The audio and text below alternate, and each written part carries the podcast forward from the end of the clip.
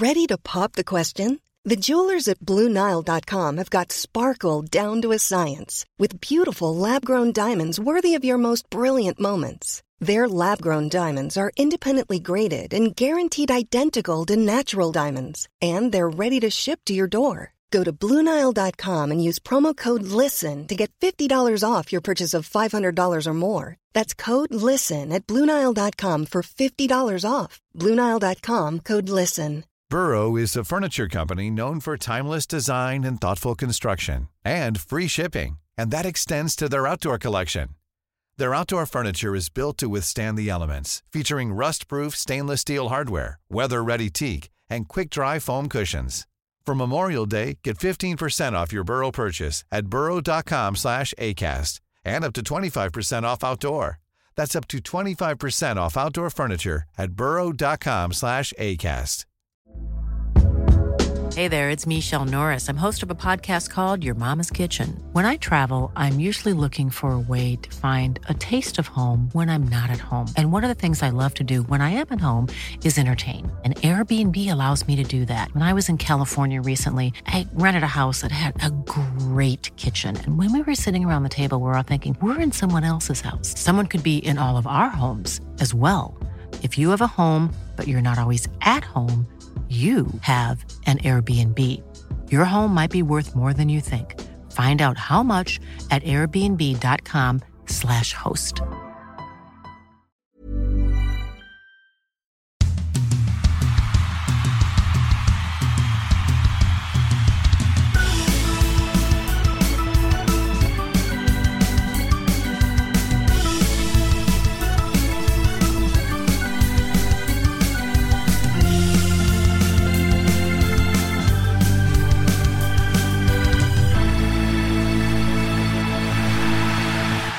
Varför krångla till det? Det är väl för fasen bara att köra igång. Jag menar nu mitt i sommaren, inga förhållningsregler, inget körschema, utan nu ska vi bara snacka lite hockey. Och det är faktiskt första gången som alla vi tre ses i det här sammanhanget också, så vi kör väl på.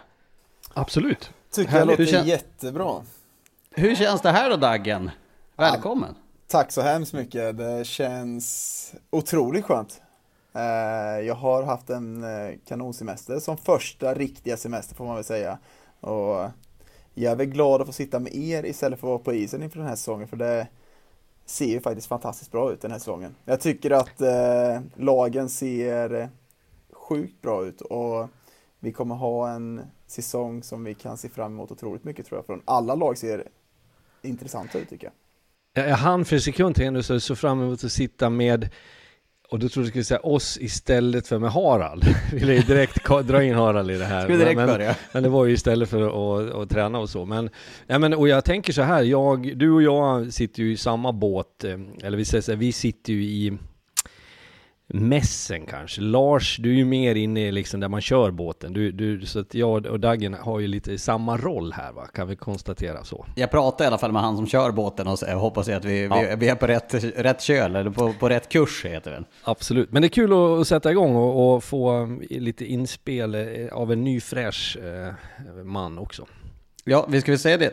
Daggen, du ska ju också iväg och döma idag. Ja, exakt. Så jag ett tajt eh, tidsschema. Det är jobb, hem, ta med familjen och sen döma. Så det, ja, det är så en kort, livet ser ut. En, en kort fråga, när man är som domare, när, när är man på plats? En och en halv timme innan. Ja, okej. Okay. Så ja, blir det lite... De glassartiderna kan du glömma när det är TV. Chokladboll och kaffe inför domarmatchen är det, och sen är det lite tvånudd och sånt. Så det, det är en härlig tid för det där också. Det känner jag igen, förutom Lars, vi har inte kört något tvånudd du och jag, och det är väl nej. en jävla tur. Men eh, kaffe och chokladboll säger vi ju inte nej till. Nej, det, det, det har ju hänt. Eh, vi ska säga det också att eh, eh, Daggen fick inte igång sin kamera här nu, så vi, vi ser inte Daggen. Så det, det, kan hända att han har odlat något jätteskägg här och färgat håret eh, grönt inför semestern, eh, inför säsongen. Men det får vi se när, när vi ses på upptaktsträffen. Det är väl det enda jag kan känna sig lite besvikelse genom att både du och jag Lars håller en ganska hög teknisk nivå. Och sen att man, så att man får in en sån här kille som inte riktigt får igång kameran. Men, men det får gå för den här gången då jag får mina grejer här så får de här supergrejerna som ni sitter framför er där så ska allt få igång det också.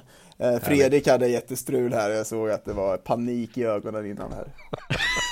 Jag ska leta igen på sitt skrivbord, hitta ikonen där tillsammans med bild från 2004 när han står på hockeyskolan. Nu sätter vi igång. Ja, nu kör vi igång. Nej men vi, alltså, det, så här är det ju att vi, det här sker ju ganska spontant. Vi kände väl allmänt att eh, det är snart hockey, vi fick ett schema utskickat igår, bara shit vi ska ju snart börja jobba. Jag har haft total hockeysemester och in, inte haft eh, någonting med hockey att göra. Så att, eh, jag känner bara att det känns skönt att börja eh, eh styra igång hjärnan lite grann, för ni får ha lite överseende med att det är semesterhjärna eh, som eh, kör här. Men det känns ju jäkligt kul, om vi börjar med, med dig då Fredrik, vad tänker du inför den här säsongen med den som vi hade innan med HV71 som är gick raka spåret upp. Om vi börjar i Hockeyallsvenskan, för det är där vi kommer att husera mest. Ja, jag har reflekterat allt mer med tiden här, för det här suget inför säsong har kommit och slagit till på allvar.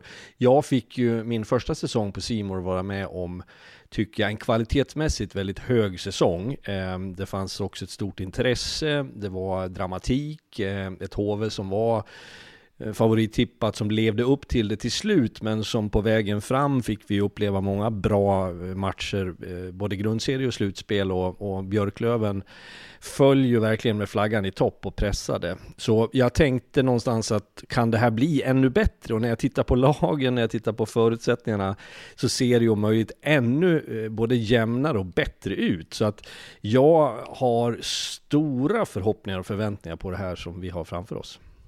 Jag kan bolla med, eh, som jag sa innan, jag, jag tycker att eh, man sa, jag vet inte, jag började 05-06 i Hockeyallsvenskan och man sa att serien ser bättre ut än någonsin, men i år, i år måste den vara bättre än någonsin. Jag, jag tycker alla lag ser jätteintressanta ut. Det finns inget lag som sticker ut som har något intressant i den truppen, men så jag är väl glad att sitta här som jag sa, för annars hade man suttit där med plus minus 46 i minusstatistik. Så, så jag, jag är glad att få spendera den här sommaren och få vila lite och kolla på den här hockeyn och få sitta och analysera det mer. För det, det ser fantastiskt bra ut och jag tycker att lagen ser otroligt intressant och det är inte bara ett lag. Som det, jag tyckte förra året med HB som var storfavoriter. I år tycker jag det finns mer lag som kommer spela in där och, och ha en otrolig kraft och kunna gå upp i SHL till nästa år. Om vi, innan vi kanske som Lars tänker prata om lagen så ska jag bara säga, jag var en blixtvisit till Norge igår till idag och tittade på Storhamar, mötte Mora. Eh, och då träffade jag lite hockeyfolk sådär man gör, dels Morafolk men, men norrmän som, som har bra positioner i norsk hockey. Petter Thoresen som var tidigare förbundskapten, en gammal spelare som heter Kato Kokotsa eller något sånt där som är lite ligachef nu, är nyutnämnd och alla de här frågar mig om Hockeyallsvenskan. För man tycker att wow, eh, i Sverige har man SHL som vi vet är av absolut högsta kvalitet och nivå, men också en till liga, eh, en andra liga som är intressant och relevant där det är eh, klubbar som spänner musklerna, spelare som, som signas som känns som att det nästan är orimligt att de ska vara på allsvensk nivå. Så att ja, jag tycker det bekräftar det som vi sitter här och säger. Och det ska vi vara noga med att vi tre skulle ju inte, vi är ju inte anställda av Hockeyallsvenskan eller, utan vi har ju en fristående roll och ska ju tycka, och hade det känts som att äh, det här är ett kliv tillbaka så hade vi ju sagt det. Ja, men så är verkligen inte känslan. Det känns ju som att eh, ett Djurgården som kommer ner och, och eh, direkt det första de gör när de åkt ut så presenterar de John Norman med Brodin och Kryger och sen smäller de på med Olle Liss och, och har ju juniorer, tre första rundsdraftade spelare. Så det känns ju som guldgallret också med det här bästa junioren i Hockeyallsvenskan kan bli ganska spännande den säsongen som kommer. Så många och, grejer som levlade upp, för det var ju ganska klart att Emil Adré skulle dra det lasset i fjol. Ja men så ska jag bara säga en sak på, på Djurgården just, att det som också är fascinerande nu, det är ju, sker ju kanske i större utsträckning numera än det gjorde förr, att man kompletterar en trupp. Förr kändes det som det var klart före sommaren. Eh, Djurgårdens backsida har sett lite för blek ut i, i, i, min bok och sen pang kommer Ytterell in, pang så är Schilling på ett långtids eh, och då har man liksom balanserat upp det så att det kanske inte är färdigvärvat än för lagen heller. Nej, det tycker, tror inte jag heller. Jag tycker att Djurgården framförallt, de har väl inte alls fyllt på med de som man trodde heller med bredden där. Så jag tror att de kommer sitta och vänta lite, likt HV, men de hade väl större trupp när de började. Eh, sen hade de väl 25 forwards i slutet där, men jag tycker men det... att de de, Djurgården har ju framförallt en härlig mix tycker jag. Jag tycker den ser fantastisk ut. Eh, och det ska bli kul att se de här juniorerna spela A-lagshockey nästa säsong. För det är väl det enda positiva, det enda positiva med att Djurgården åkte ur om man tänker utifrån deras egna värderingar av situationen. Det är ju att det kan ge utrymme för de unga spelarna tar större plats, får en större roll, får mer istid. Sen är ju det sorgliga i det, eh, för förmodligen är de här gossarna så pass bra så att de försvinner förr eller senare ändå. Men på vägen fram dit så kanske man kan ha dem med och de kan bidra till ett Djurgården som, som spirar. Ja, och det som är också med Djurgården, jag menar inte nog med det här, nu är det dessutom tre lag i Stockholmsområdet som får mötas i Södertälje, AIK och Djurgården. Jag menar, det är fyra stycken derby mellan AIK och Djurgården som ska spelas eh, i, i Globen. Bara en sån sak känns ju sjukt kittlande. Jag vet inte, Daggen, har du spelat i Globen? Jag spelade en match i Globen och vinst såklart. Och AIK var det på, på AIK-dagen där, så det, då, då fick vi vinna. Vad tänker du inför derbyt då? Att det blir AIK-Djurgården? Nej, men fantastiskt, vilken, vilken eh, extra, eh, det kittlar lite extra i ligan när det är så mycket Stockholmslag, självklart. Eh, så det, men jag, jag, tror att de här matcherna kommer bli publikfester också. Och det, det ska bli kul att se om Djurgården får med sig den publiken som jag tyckte HV gjorde så bra förra året med att få med publiken och få med hela staden på det här återtåget. Så jag tror att om, om HV kollar tillbaka om några år så tror jag att det här var positivt för dem att åka ner till Hockeyallsvenskan och få titta lite på vad de har gjort och vad de har gjort fel i, i tidigare år och nu fick de en positiv utdelning på det. Och, så jag tror att de, ser de tillbaka på det här så tror jag att det är en positiv utveckling. Jag håller helt med dig där och jag jag tror inte, för det här resonemanget du hade nu kring HV, det förde ju vi lite grann förra året, du och jag Lars, eller hur? Både här och vi gjorde det i tv-sändningar. Och jag tror inte alltid att folk förstod eh, vad vi sa, för att någonstans för fansen och för folk i och runt klubben så, så var det med fasa. Men jag tror också att det, den ödmjukhet det föder, de insikterna som kommer fram, det är nödvändigt för en klubb för, för också utveckling åt det andra hållet till. Så att jag tror definitivt det, men jag ska också tillägga att det du ställer möjligtvis ett frågetecken för Djurgårdens del. Får man staden med sig? Nej men självklart inte. Alltså förstå mig rätt, men Stockholm är en gigantisk stad och där finns så mycket annat att göra. Det, det finns så mycket mer än, än hockey. Du har fotbollen där fansen är, är starka. Eh, så att det kommer vara en, en knöligare utmaning på det planet. Det är min jag, jag måste bara sticka in nu för att eh, nu, nu är det tänkt att Daggen ska... Vi, vi, har lite teckenspråk här jag och Fredrik, men nu har ju Daggen inte någon kamera. Men då har han varit smart nog att hitta den här räck upp handen-knappen på Skype. Så nu... Precis liksom, som i skolan det... så satt jag längst fram och så gav jag lilla Oj, fingret upp bara. Du satt i ett eget rum bredvid du med två fröknar. Ja, det, det jag tycker ska bli intressant det jag tycker ska bli intressant med Djurgården och med de här juniorerna som vi pratar om, det är när det börjar blåsa, för det kommer blåsa under säsongen och det kommer bli förluster. Tingsryd hemma, tuff match, kan förlora den. Självklart, de kan förlora alla matcher i den här serien. Eh, för det finns så stor potential. Och då ska det bli kul att se om Djurgården är starka nog att kunna hålla kvar de här juniorerna. För det kommer bli, de har lite ungdomlig entusiasm och det kommer bli fel eh, i spelet. Jag hoppas verkligen att Djurgården tillåter de här unga fortsätta utvecklas och låta dem göra fel. Ja, ur ett tränarperspektiv där kan jag se det när jag tittar på deras laguppställning. Har du spelare som Brodin och Kryger och Norman till exempel, du har Olle Liss, du har Berglund, du, du har liksom rutinerade äldre spelare och det är klart att de vill ju ha sin del i det här. De är ju inte kanske beredda att, så funkar man väl inte som spelare, kan ju du svara på Dagen med att, ja men varsågod Lekkerimäki, nu får du spela för du har ju en framtid, jag, jag har gjort mitt. Utan när det väl är där, då vill man ha sitt förtroende, sin powerplay-roll, sin ledande position. Därför har ju Fagervall och eh, kompani eh, där en utmaning precis som du säger, när det bränns, när det svettas lite grann, hur ska man, vågar man spela, spela de här gubbarna? Eh, eller blir man, lutar man sig mot de äldre då? Jag, jag hoppas ju verkligen att de får den utvecklingen, för de har ju gjort ett val att stanna kvar, för de hade ju kunnat gått vidare annars, de här unga spelarna. Och det, jag, jag tror att Djurgården har en plan för dem och hoppas att de låter dem spela som de ska. För man vet med unga spelare det kommer komma eh, felbeslut och då, och, men sen kommer det komma fantastiska grejer framåt också för de har inte den här som vi, vi äldre då får jag säga till mig själv då som vi hade. Man har en lite i ryggrad att man inte får göra så på blå linjen. Men eh, de unga spelarna har inte det och det kan ju bli fantastiskt kul att se dem då också. Eh, det jag tänker lite grann med Djurgården, för det, det, passar ju ganska bra att ta den här frågan. Eh, jag ska komma tillbaka till frågan sen, men, men det är också bra att ha en, eh, en tränare liksom Tommy Samuelsson, att, att Fagervall, men han har fem klubbar i, i Hockeyallsvenskan som han har tränat, han har varit där i 15 år i den här ligan och snacka om att kunna ligan. Jag tänker att Fredrik, det måste vara en ganska styrka för Djurgården att veta att ja, men han vet exakt vad det är som kommer att krävas i den här ligan. Det är ingen som har varit i SHL hela sitt liv, om än han har varit där, men att han vet också vad som krävs i den här ligan. Som ju Tommy Samuelsson när han fick HV, att han verkligen gjorde den scouting. Så här, vad kommer att krävas? Vad måste vi göra för att vinna den här ligan och slutspelet gå hela vägen direkt? Att man har den rutinen. Det, det, där tror jag du är helt rätt ute. För det, eh, kombinerar kombinera det med vad Dagen säger, den här stormen som kommer att komma, inte minst från vårt håll. Vi har förväntningar, det finns en press på dem, Djurgården är en anrik klubb. Ehm, att då ha någon som just det Fagervall utstrålar och det jag känner av honom så är det en lugn och trygg person. Ehm, sen kommer det vara skakigt för honom också eftersom han i sin tur bär ansvaret för hur hans spelare uppträder, hans lag presterar. Men på, på förhand sett så, så är, är det rätt människor på rätt plats och jag tycker också KG Stoppen som sportchef där har visat någon slags handlingskraft när han klev in och en stabilitet i ett tufft läge. Håller du med Dagen?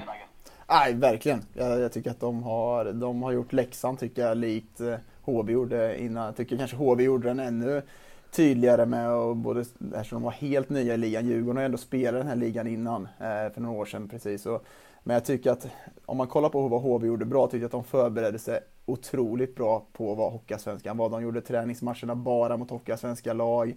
De kollade på matcher från förra året, så de gjorde ju läxan och jag tror nog att Djurgården har tittat lite på vad HV gjorde förra året. Eh, för de gjorde det fantastiskt bra får man ju ändå säga. Och de var ju i mitt tycke ett av de bästa allsvenska lagen jag mött i den här ligan förra året.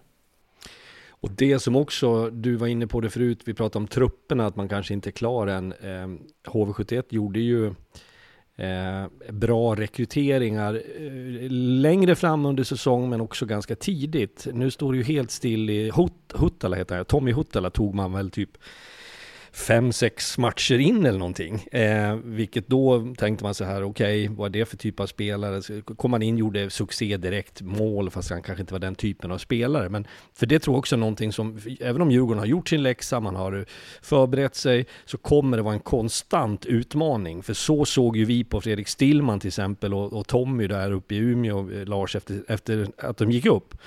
Eh, så var ju de, de var ju mer lättade eh, än glada. Någonstans så var det liksom deras känsla för det här var ju att det, det, äntligen löste det sig så att det kommer att vara ett prövande år för Djurgården, så mycket kan vi säga. Sen är ju frågan, är de lika givna favoriter som HV71 var förra året? Jag ser ju inte det nu. Nej, jag håller med. Jag tycker faktiskt inte att de är samma favorit som, det, som HV var, för de var stor favorit förra året. Och jag tycker att det kittlar för det finns ju så många lag i år som ser ut att kunna kan, eh, kandidera på den där rollen och vara med i slutspelet. Så ja, vi får se. Men jag tror ju som sagt att Djurgården kommer fylla på och då, som vi pratade om innan, då hoppas jag när de fyller på att de här unga spelarna får chansen även då. För det är lätt att plocka undan dem när det kommer in spelare. För det, Brodin och de här, de ska ha sin plats och det är svårt att plocka bort dem eh, när det väl brinner. Jag har ju sett, jag ska bara säga, jag, från Leksands tiden, jag som bor i Leksand kommer från Leksand, det är ingen hemlighet i sig och jag har inte jobbat åt dem, men jag har liksom mött dem och jag har levt nära dem länge. Där var det ju så, de hade ju inte ett svårt år, de hade ju 20 svåra år. Eh, men under de där mest prekära säsongerna så var det ju de unga spelarna man offrade. Det fanns ju en, en galet bra både 81 och 82 kull om jag går långt tillbaks i Leksand som kom upp efter juniortiden som i vilket annat lag som helst hade fått en chans om det var färre. Nu var det många, Leksand var under press, man var tvungen att köpa finnar och ryssar och tjecker, amerikaner, tunga namn för att tillfredsställa sponsorer, media. Ja, vilka fick lida? Jo, de unga spelarna som försvann till andra klubbar och blev bra där. Så att det har ju hänt förr och det kommer hända igen. Men då, då är min fråga till er då, vilket lag, för jag menar nu är det ju lätt att vara lite cynisk så här mitt i, i slutet på augusti liksom, det är en månad till det att serien drar igång. Vilket lag är favoriter just nu? Om daggen, du får börja då som, som ny i gänget. Just nu tycker jag att Kentes gäng ser otroligt bra ut. Jag tycker deras backsida är en av de bättre vi har sett i Hockeysvenskan eh, i år. Eh, och tidigare. Men eh, det är också ett problem där, de har åtta backar som spelar. Eh, jag vet att de flesta backar vill spela på sex så det kommer bli problem. Sen vet jag att det är lite skador på dem som kommer komma och gå men den backsidan är inte att leka med, med, med, med Rahimi står och crosscheckar framför mål där så det kommer bli tufft återigen att komma upp till Umeå och de, jag tycker att de har gjort något bra den här säsongen också eh, och Kent har ju skött sin läxa i år igen. Så de har väl varit i final några år här nu så jag tror att det är dags för dem att ta steget faktiskt. Jag tänker så här att det är, eh, jag ska inte släppa min tabell än, för de ska vi ruva på några veckor till, men, men jag håller med, Björklöven är ju ett, ett topplag tveklöst. Sen, sen kan vi ju bara för att man ska få upp lite alternativ, Modo har ju också fått behålla ändå många bra eh, backsidan. Typ alla förutom Vigneault nästan. Ja, eh, om man har plockat in lite spännande namn så absolut. Men AIK tycker jag har liksom rustat och har lite tålamod i det man gör. Västerås, Södertälje som var klappkassa om jag får vara brutalt ärlig förra säsongen. Det tror jag inte någon tar illa upp, det vet de att de var. Ditt gamla Karlskoga kan man ju aldrig räkna bort. Jag tycker att det finns många kandidater men det kommer ju utkristalliseras och det jag tror vi kommer att se eh, min känsla, det är att relativt tidigt, nu kan vi dra slutsatser av, av försäsong med, grundat på truppen, eh, titta på saker runt sådär. Men att ge det tio omgångar, eh, eller kanske ett varv, att du har mött lagen, eh, så kommer jag då kommer vi känna mycket tydligare. För jag, jag tror att det, jag ska, det sista jag ska säga på den här punkten egentligen, jag tror vi sa det förra året, men jag, jag kan känna det igen. Det är möjligt att det blir en klyfta som växer mellan de bästa lagen i HA och de som har det tuffare. Den, den risken tror jag finns.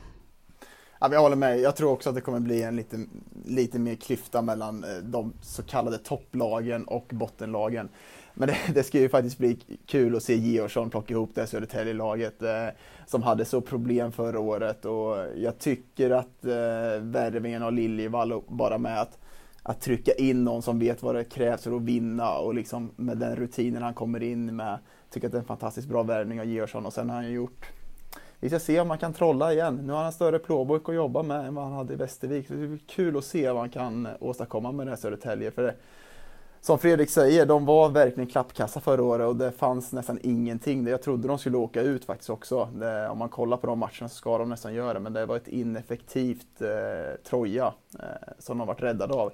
Så det ska bli kul att se, för jag vet att det finns kvalitet i Södertälje och jag tror att de kommer vara ett topplag i år. Om vi räknar då, utan att ni ska släppa era eh, tabelltips då, som vi ska spara på en bit in till vi har eh, eh uppstartsträff eh, och upptaktsträff för ligan och så. Men vilka lag räknar ni till toppen? För men i fjol var det ju väldigt utkristalliserat. Det var ju fem lag. Det var ju Västerås, Modo, Björklöven, Karlskoga och HV71 egentligen i fjol. Vilka lag räknar ni till det toppskiktet då? Räknar ni med AIK, Mora eller är det liksom Löven, Modo, Västerås, Djurgården, AIK kanske där? Hur tänker ni? Fredrik, om du får börja där. Ja, alltså när jag tittar på mina noteringar som jag har nu så, så är jag ner till åtta, kanske nia eh, med lag som jag känner potentiellt har chansen att vara topp tre till och med.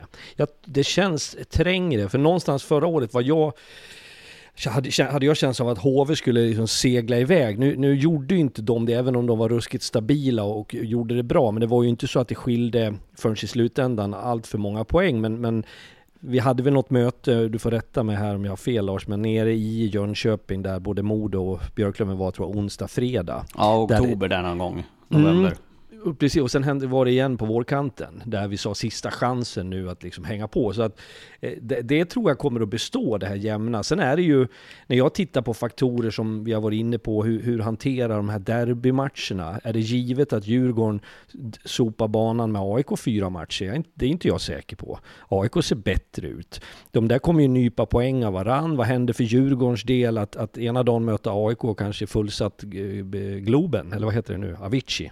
Ja, eh, för att två dagar senare åka ner till Västervik och torska den. För att man kanske inte riktigt har samma mode i kroppen. Eh, vad gör det här med tabellen? Så att jag, jag, jag är inte helt övertygad än om eh, att, att eh, alltså botten, jag vet inte hur jag ska uttrycka mig så att det låter bra, men, men Eh, klyftan tror vi finns där, eh, men jag, inte, jag kan liksom inte smacka upp tre lag som jag tycker skiljer sig åt nämnvärt som skulle vara 1, 2, 3. Det gör jag inte faktiskt.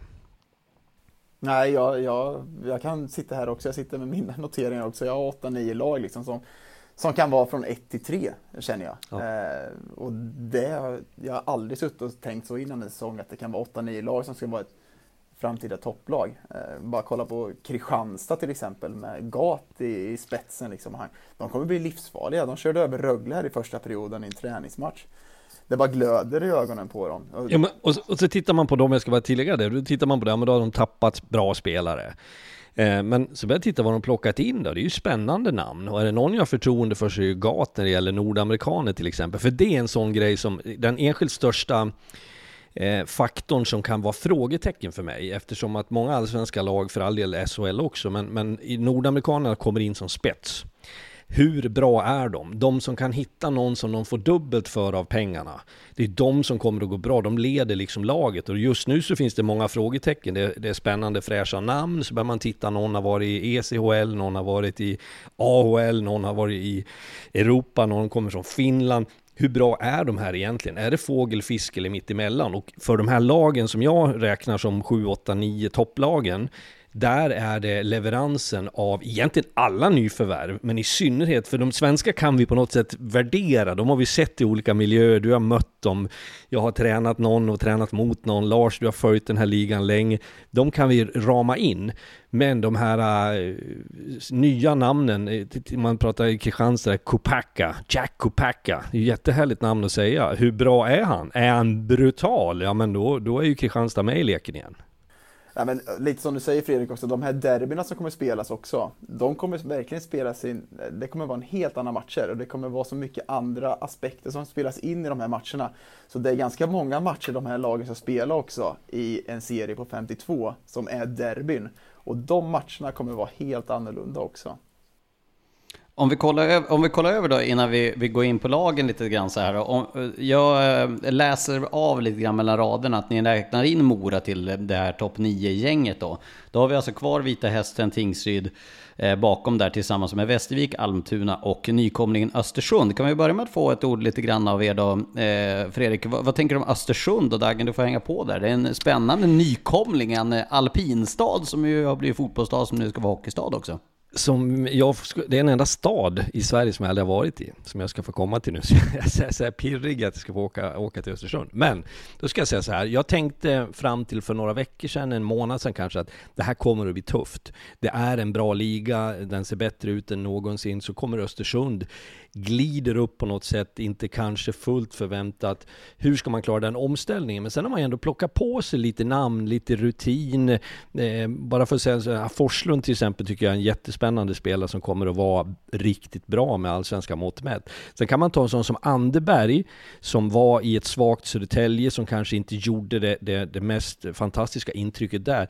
Men eh, av honom såg vi, jag vet det var någon match, Modo Södertälje, där vi gjorde någon liksom inslag eller del under matchen på hans ledarroll i båset, kommunikationen med lagkamrater, hur han coachar, hur han pratar på isen.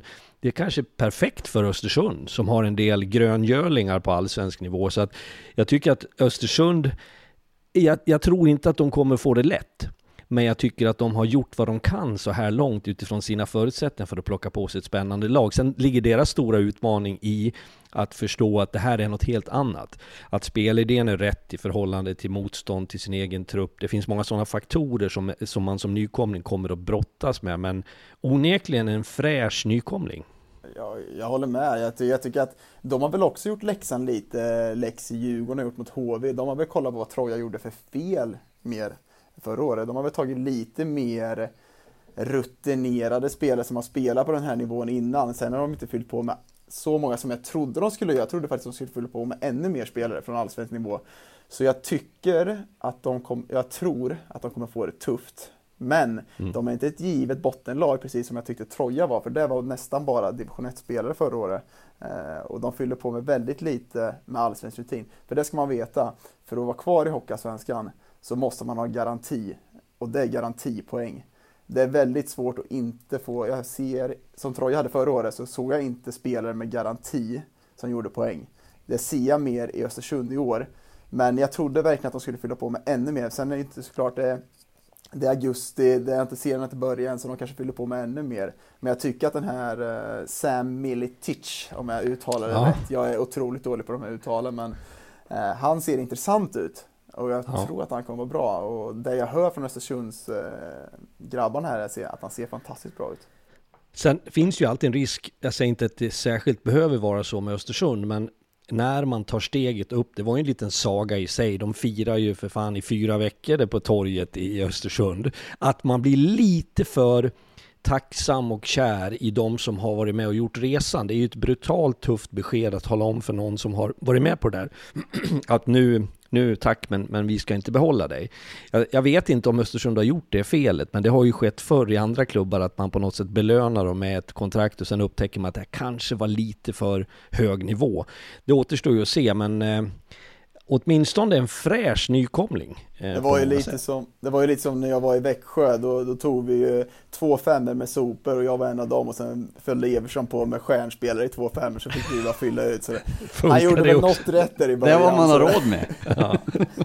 så vi fick bara ja. utfyllnad och sen fyllde han på med två, tre kedjor med stjärnor där. Jag, jag trodde faktiskt att, som jag sa innan, jag, jag tror att de behöver eh, fylla på med lite mer rutin och framförallt mer poängspelare. Ja. Mm. Men, men, av de där fem då, vilka är ni mest oroliga för? Vilka tror ni kommer få en jobbig säsong att, eh, att hålla sig kvar? För nu har vi ju läst mellan raderna att vi inkluderar Östersund i det gänget som får kämpa för nytt kontrakt tillsammans med dem, Västervik, Almtuna, eh, Tingsryd och Vita Hästen. Ja, jag, ja, men, jag, jag tror börjar att, du Dagen? Börjar ja, du? jag tror att Almtuna kommer få det tufft. Eh, deras, jag tycker inte truppen ser tillräckligt stark ut. Däremot så har jag min favorittränare där i Kimby. Eh, som jag hör väldigt bra saker om. Att spelare är kvar i Almtuna på grund av att han kommer tillbaka. Och han gör väldigt bra, får spelarna att prestera på högsta nivå när han är i den miljön. Så jag tror att räddningen i Almtunas fall kan vara att Kimby har kommit tillbaka, men sen så tycker jag att truppen ser lite tunn ut i år faktiskt och de har haft problem i många år nu. Och ligger man där i botten i många år så kommer du till slut trilla ur tyvärr. Eh, så är det. Men Robert Kimby, min gubbe i båset. Eh, han, jag, väl, jag hör jag väldigt hört... bra saker om honom. Jag tror att han har en ljus framtid i, inom träningen tränare. Jag också. Jag har ingen, ingen relation till honom, men jag har det som när han var spelare, men inte som tränare. Då var jag utomlands. Men, men jag har faktiskt hört exakt samma sak, bara gott. Nu tillsammans med Jimmy Andersson som kom in och var med på, på sluttampen. Så ledarskap tror jag är bra. Eh, och jag tror som du är inne på, förr eller senare så går det åt skogen. Alltså någonstans, Saved by the Bell, förra året var det ett kryss hemma mot Västerås i 52 omgången som gjorde att man slapp vara i det där kvalet. Så, och man har inte lastat på, eh, man har kanske begränsade förutsättningar. Kommer absolut ha det kämpigt, det, det, tror jag också. Sen är det ju två lag som jag slänger upp, Västervik och Kristianstad, som älskar, de skulle ju bli vansinniga om vi sa att de kommer vara topp 5 eller topp 7. De sitter ju bara och väntar på att bli utdömda, för det är en del av deras bränsle. Eh, men, men de har ju, i Västerviks fall så har man ju, där ska jag berömma Gudmundsson som först tappar Karlin, sen tappar Georgsson och har jobbat hårt. Eh, fick klart med assisterande tränare så sent som förra veckan tror jag. Eh, så att där, där är det ju rimligt att ställa sig frågan eh, till, har man fått ihop ett tillräckligt bra gäng? Vita Hästen som har stor omsättning på spelare, två nya tränare som är Eh, jag döpte Anders Olsson, eller jag gjorde någon intervju med Norrköpings Tidningar, jag ringde så sa jag lite sådär när jag fick upp farten, det är mitt dilemma i livet att när de pratar för länge med mig så släpper spärrarna, så jag kallade Anders Olsson för en ny Leif Bork. Och sen fick jag tillbaka att han hade konfronterat Anders Olsson med det här. Och Den intervjun läste jag inte för jag tänkte, oh, jag ska inte börja med något bråk här på sommaren, men jag tror att han hade skrattat åt det, för jag, jag menar det goda i det, att han är lite annorlunda i sitt tänk och så. Tillsammans med Tim Brithén, som är en väldigt tydlig och kraftfull ledare, så har ju de ett starkt ledarskap där. Sen är frågan om det, det hänger ihop. Får man kraft och effekt på sitt lag? Eh, resursmässigt vet vi att de är lite svagare. Tingsryd som också har ny ledning, en hel del nya spelare, framförallt nygamla spelare. Men de finns ju med i de där frågetecknen för mig. Sen, sen spikar jag inte upp någon på korset än. Ja, men så får man ju se Tingsryd ser ju lite intressant ut också faktiskt. Jag tycker de har spetsat på lite bättre än vad de har gjort innan. Men det är lite sak där också. De har legat där i botten till slut så du måste liksom göra någonting för att komma ur det här träsket. Jag tycker att en, en värvning av Sylvander är väldigt smart. Kanske inte bara för hans hockeyegenskaper men liksom för det här som jag pratade med Liljevall i Södertälje, att man får in en rutinerad spelare som man inte har haft innan. Jag tycker han vet vad som krävs för att ligga på den här nivån, vad som krävs i träning, vad som krävs i att vinna matcher. Så, och sen kollade jag faktiskt dem på en träningsmatch här nu och de ser ju fan, de, de spelar fysiskt. Och det kan jag säga, Lennartsson som kommer från Bika Skoga, det kommer bli en publikfavorit för han kommer ja. köra över allt och alla. Och säger man till honom, du kör över honom, då gör han det. Och det kan jag säga, det är en av de bästa tacklare i serien. Ja, men jag tänker också med, med Gladerin eh, och Boden, Robban där, eh, det är ju två norrländsk, liksom lite envishet, tjurighet som kommer in med, med en ny stil där. Så att jag håller också som spännande och just de där som var till Södertälje som vi vet levererade eh, med högsta betyg i Tingsryd, kommer till Södertälje, en tuff säsong, funkar inte, vänder tillbaks. Sen spekulerar man ju där om det är också en sån grej som, som skulle kunna ske de här veckorna som är kvar. Och i Tingsryds fall, om vi teoretiskt pratar, jag läste någonting om Niklas Olausson, eh, tidigare Luleå som har varit nere i Schweiz, eh, som kommer från eh, jag har fasken glömt vad det heter. Det är jättefint, det heter Väckelsång mellan Växjö. Det är väl, eller hur? Det är närheten av dig va? Det är närheten av mig. Jag ser skyltarna ja. ibland. Ja, eh, och jag vet inte hur rimligt det är att tro att Tingsryd skulle signa. Jag tycker det vore bra för då ska jag avkräva, han sålde ju sin bil med mina golfklubbor i bakluckan.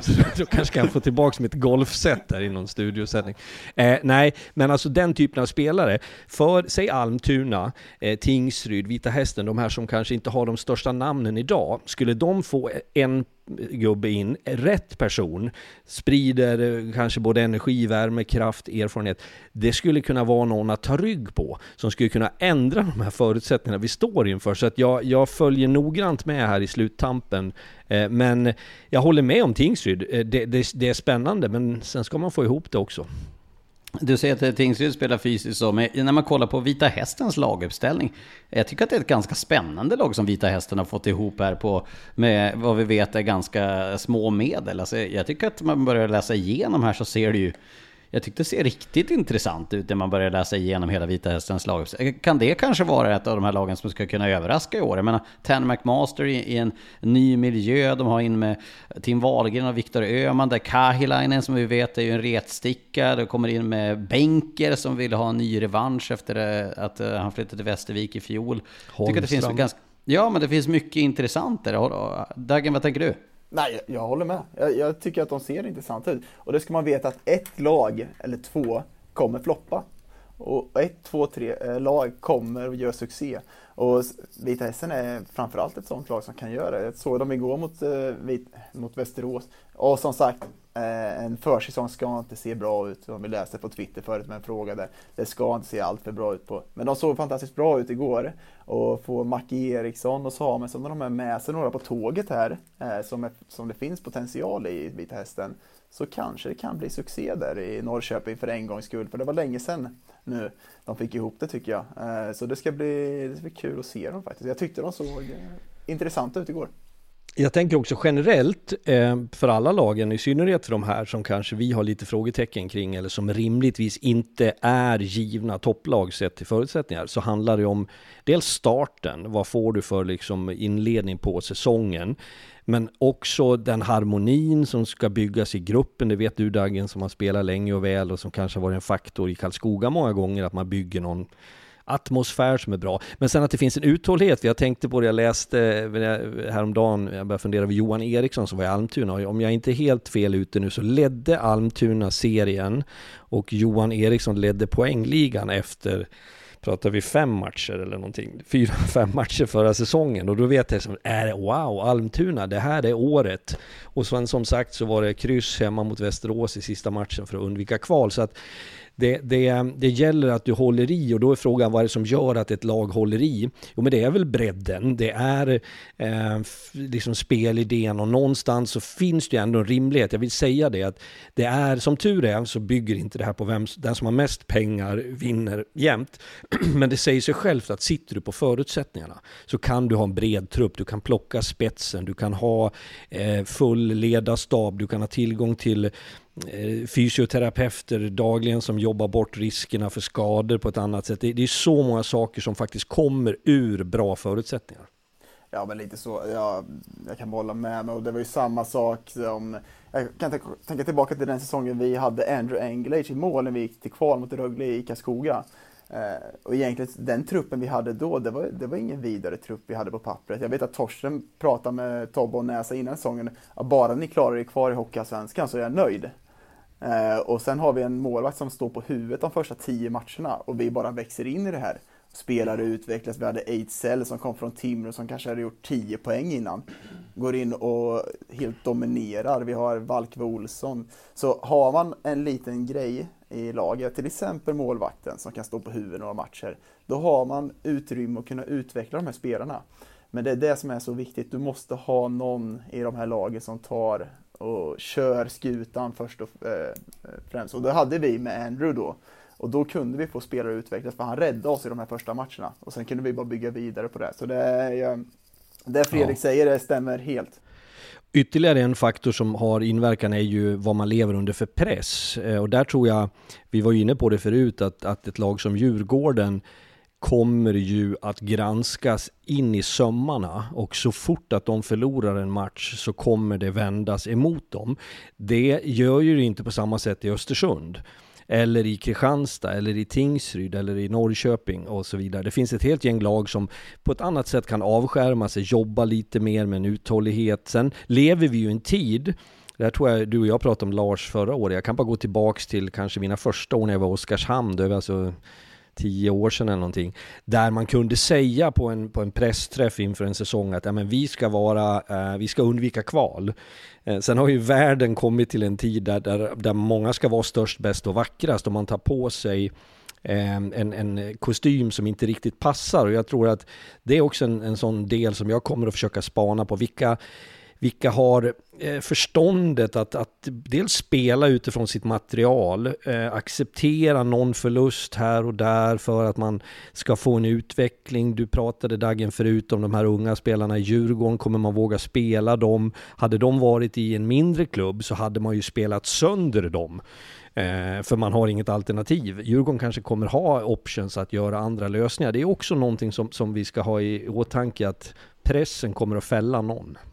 Eh, innan vi blir alltför långrandiga på det här och vi, mm. vi går allt för mycket på djupet på, på allting till höger och vänster så tänker jag att vi, vi har ju som utkristalliserat att vi alla tre är hyfsat överens om att det kommer vara en nio lag som vi tror mycket på till en topp och det finns fem lag som vi tror mycket på till att eh, tillhöra det nedre skiktet i tabellen. Vilket lag av de här nio då som vi eh, kanske då är överens på att eh, de ska tillhöra det övre Mora, Karlskoga, Kristianstad, Björklöven, Modo, Västerås, AIK, Djurgården, Södertälje. Vilket av de lagen har störst risk för att floppa då? Med tanke på att ni säger att det är alltid något lag som floppar.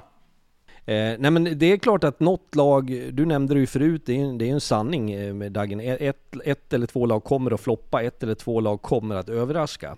Eh, och det är just i ordets innebörd att man kanske inte riktigt vet, men jag kan tänka lite grann så här att eh, om jag, jag, ska titta på minussidan, har vi varit ganska positiva kring lagen.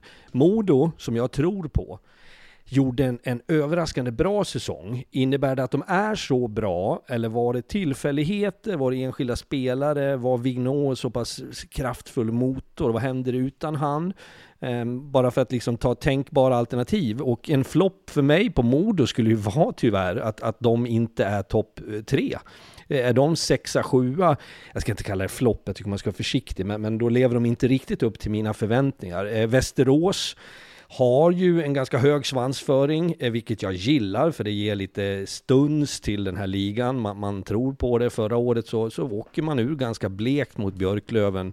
Eh, har de fått in rätt gubbar nu då är de ju topp tre, topp fyra. Annars kan ju de dras in i någonting där nere. Så det är klart det finns frågetecken på, på olika. Mora, jag såg dem spela en träningsmatch igår. Du får och... inte nämna alla Fredrik. Nej, jag, jag, men jag är så pratsjuk. Jag har varit tyst i tre månader. jag såg Mora spela mot Storhamar igår. Jag säger ju och har sagt och säger än en gång träningsmatcher drar inga stora växlar. Jag tyckte Mora såg lite små ut igår och de lär ju i alla fall inte bli större på den här månaden eh, rent fysiskt för då då har det hänt något olagligt. Eh, så att det skulle kunna vara ett frågetecken. Ja, och så vidare. Jag tycker faktiskt Mora också kommer, där, där har jag en eh, liten risk där. Jag tycker att de ska förstärka målvaktssidan. Eh, tycker att de har varit svaga där i många år faktiskt och inte lagt krut i det. De har ju lagt sitt krut på forwardsidan och är väldigt framtunga. Eh, och får de ihop det med Ljunggren och de här, då ser det fantastiskt bra ut men mästerskap vinner man väl för eh, försvarsspel, eller vad säger man Fredrik? Vi ska inte, ja, vi, vi ska inte blanda in Har, Harald har sin klara uppfattning i den frågan, men det som är så bra när vi har podden, eh, Dagen, är att Harald inte är med. Så vi kan säga precis vad vi vill och sen viftar vi bort det när han kommer tillbaka. Nej men du har en poäng där. Eh, jag skulle också bara säga ett lag till, Södertälje. Då är det ju så här att vad är utgångsläget på Södertälje? Är det, eh, alltså tänk bort förra säsongen så, så är ju, har jag alltid levt med att Södertälje är ett bra, riktigt bra lag. De har ju till och med varit i, jag, jag tog de guld 85, jag är född 77, så jag var åtta år, liksom, det är ett klassiskt lag. Men har ju inte lyckats på, på många år om vi tar det i stor perspektiv. Men Förra säsongen var de ju oerhört svaga, så det är klart att det är högst rimligt att tro att man går från plats 13 kanske. Sen om det är 9, 7 eller 3, jag tror att det finns stora förhoppningar i och runt Södertälje på att man ska vara ett topplag. Men det är inte alldeles enkelt den omvandlingen från ett år till ett annat. Burrow is a furniture company known for timeless design and thoughtful construction and free shipping. And that extends to their outdoor collection. Their outdoor furniture is built to withstand the elements, featuring rust-proof stainless steel hardware, weather-ready teak, and quick-dry foam cushions. For Memorial Day, get 15% off your Burrow purchase at burrow.com slash ACAST and up to 25% off outdoor. That's up to 25% off outdoor furniture at burrow.com slash ACAST. Hey, Dave. Yeah, Randy. Since we founded Bombus, we've always said our socks, underwear, and T-shirts are super soft. Any new ideas? Maybe sublimely soft. Or disgustingly cozy. Wait, what? I got it. Bombus. Absurdly comfortable essentials for yourself and for those facing homelessness. Because one purchased equals one donated. Wow, did we just write an ad? Yes. Bombas. Big comfort for everyone. Go to bombas.com slash ACAST and use code ACAST for 20% off your first purchase. Mom deserves the best, and there's no better place to shop for Mother's Day than Whole Foods Market. They're your destination for unbeatable savings, from premium gifts to show-stopping flowers and irresistible desserts. Start by saving 33% with Prime on all body care and candles. Then get a 15-stem bunch of tulips for just $9.99 each with Prime. Round out Mom's menu with festive rosé, irresistible berry chantilly cake, and more special treats. Come celebrate Mother's Day at Whole Foods Market. Eh, och sen ett lag som Västerås också, de har ju alla förutsättningar i år att göra något bra här nu. För de, deras lag, och Zetterberg har ju satt ihop ett fantastiskt lag på pappret. Men ska de få ihop det? Jag tyckte inte de fick ihop det förra året med det laget de hade. De har större potential än vad de har fått ut. Eh, och det jag tyckte jag kände förra året med Västerås var att de tappade lite av sitt koncept i matcher och längre perioder under serien när det gick lite emot dem. Till exempel med domslut och lite sånt där. Och då tappar de det och det förlorar de matcher på kanske en fem minuters period i matchen. Eh, där de tappar hela konceptet och då är matchen förstörd för dem. Och det hände liksom under serien också tycker jag eh, mig se. Så kampanjerna när de här får ihop de här eh, riktiga vinnarskallar, för det är ju vinnarskallar i, i Frycklund och de här, men de, de måste verkligen få ihop det där och lugna ner sig där och börja prata om de här problemen de har haft förra säsongen, för där ser jag ett problem för Västerås. För de har ett fantastiskt bra lag och de kan verkligen vara med, men då måste de verkligen prata om det här också. Jag märkte direkt här, jag får sticka in med två frågor här. Jag kommer få, det enda jag får göra den här säsongen, jag kommer få sitta och bromsa er, rycka i någon eh, tygla för att bromsa er hela den här säsongen. Men eh, två fr frågor då med eh, Västerås då. Eh, den första är, vi ska väl säga en brasklapp för Västerås i fjol var att de fick en väldigt otajmad skada på Johan Gustafsson mitt in, just innan slutspelet. Så det är klart att den påverkar. Första frågan då, ni får försöka besvara båda de här. Den första är då, Västerås backsida ser ju väldigt spännande ut när Patrik Parkanen som man får ganska bra vitsord från kring Västerås håll att han ska komma in. Ludvig Östman hade en intressant start på säsongen förra året. Nu har man dessutom fyllt på, man har fått in Lindelöf, man har Jareskog, man har Jansson Lorek, man har Gunnarsson och Oliver Bohm så stor. Det är en stark backsida, alltså på, på, på pappret tycker jag det ser väldigt intressant ut. Men då kommer min följdfråga här då, som ni får besvara två igen. Har man lyft in en tillräckligt bra spets i Sakari Sal eh, Salminen tillsammans med Blake Spears och Trevor Sheek då som ska vara den nya första kedjan ish. De två frågorna ställer jag till er. Jag börjar med att svara på den och säger så här att för att dra en parallell innan jag utvecklar svaret lite grann. Du touchade vid det nyss Dagen. Det HV71 gjorde som absolut bäst förra säsongen tyckte jag var den tydliga rollfördelningen. Man fick en acceptans i gruppen, truppen av att okej, okay, jag är en första lina spelare, jag är boxplay, jag är powerplay man var tvungen att köpa det och jag vet när vi pratade med ledningen i HV så hade man ställt de kraven tidigt. Så här kommer det se ut. Vi går för en sak, vi ska gå upp. Då får du acceptera den rollen, annars är du inte kvar här. Innerst inne tror jag det var spelare som var frustrerade ibland, som tyckte att nu har jag gått bra här en tid, jag borde få flyttas upp. Men man var väldigt konsekvent i det där och där har vi nyckeln i ett Västerås. Så pratar du backsidan där, jag håller med. Det är solida, det är bra backar in. Lindelöf, spännande, ju fräckt mål uppe i Mora. Det finns liksom, det vänder hem hem.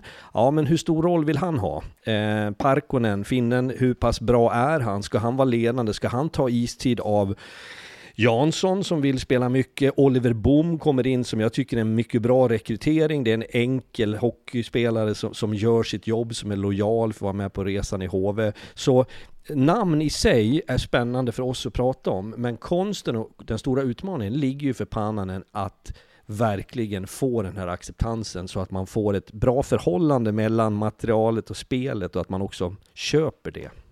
Ja, först och främst Fredrik, när jag räcker upp handen då är det jag som ska prata. kommer in och ställer in krav direkt. Där. En fråga med Västerås också. Kommer Johan Gustafsson orka stå alla matcher? För ja. att är Blomqvist tillräckligt bra och stå 20 matcher som han kommer behöva om de ska gå långt i slutspel. För han kommer inte orka stå eh, så många matcher. Där tycker jag är en stor fråga om de har en backup goalie som är tillräckligt stark för att kunna stå där. Men också, Parkonen spelar jag med i Bikaskoga, då fick han ju sparken det året eh, jag spelade med Parkonen.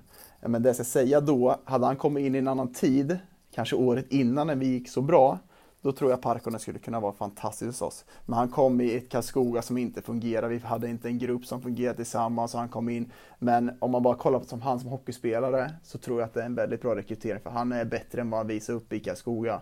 Eh, och kommer man in i en grupp där det inte stämmer eh, som individ, då är det svårt att prestera också på isen. Så de nyförvärv som kom då, om man kollar på dem individuellt så kanske de skulle funka väldigt bra i andra allsvenska lag. Men just då, där och då i Karlskoga passar inte för Parkonen, så jag tycker att det är en väldigt bra rekrytering faktiskt. Men min största fråga är som sagt, orkar Johan Gustafsson stå så många matcher som jag tror att det behövs att han ska stå för att Västerås ska gå långt?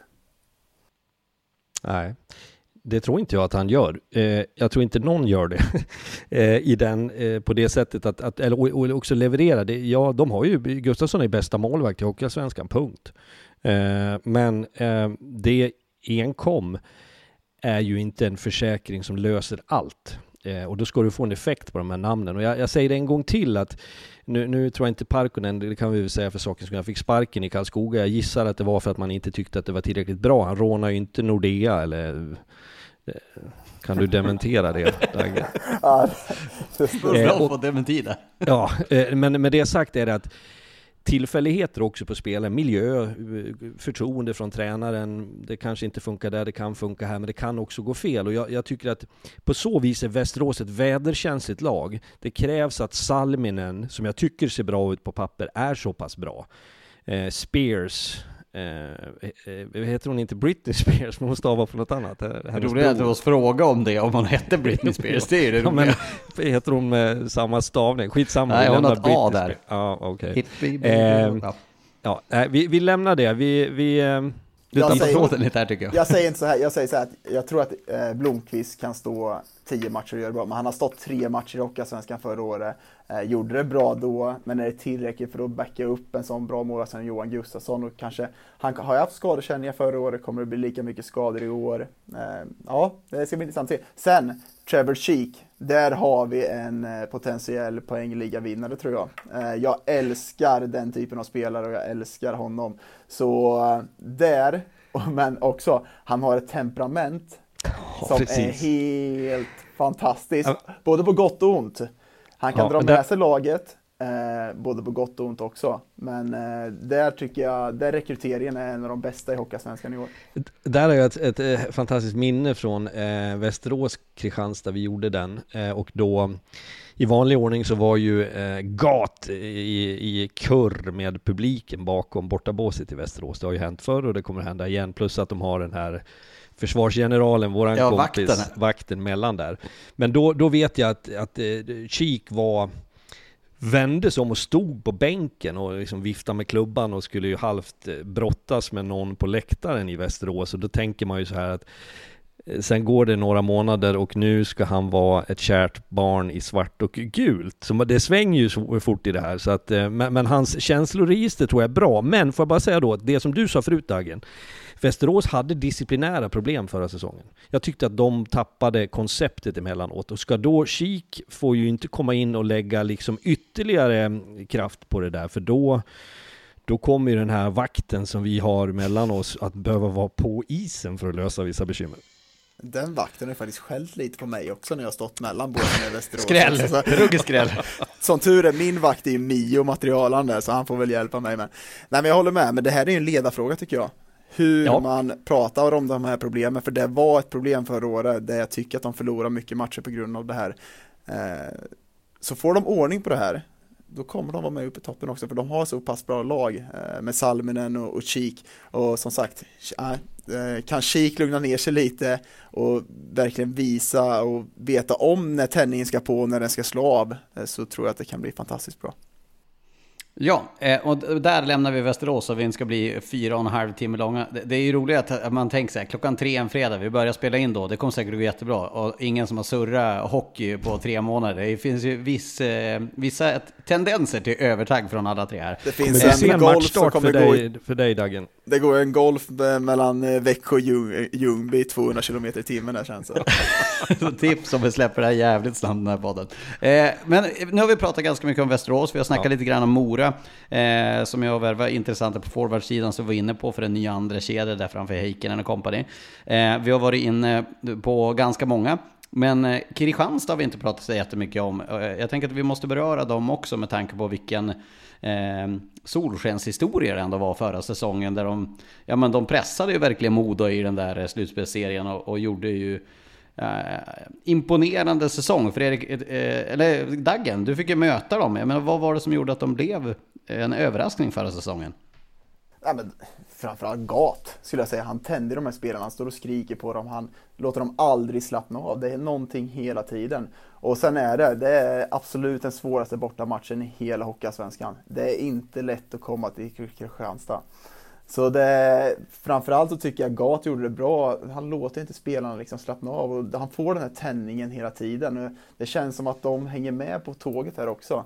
Eh, sen så självklart, det kommer folk överallt när de spelar. Det känns inte som de har en struktur egentligen när man ser dem spela. Men det har de ju såklart och man ser verkligen hur de jobbar så otroligt hårt för varandra. Och det har ju fått en, eh, de har ju fått en liten vi-känsla där lite som Eh, Karlskoga haft under många år. Att de har den här liksom vi mot världen-känslan och de slåss lite underifrån. Men egentligen om man kollar på dem så tycker jag att de är ett givet topplag i år. Och, Ja, det ska bli kul att se om de kan återskapa den här succén. Och jag kan säga så här, förra året när det skulle bli val av lag så satt jag och hoppades på att vi inte skulle få Kristianstad. Det var det sista jag ville ha.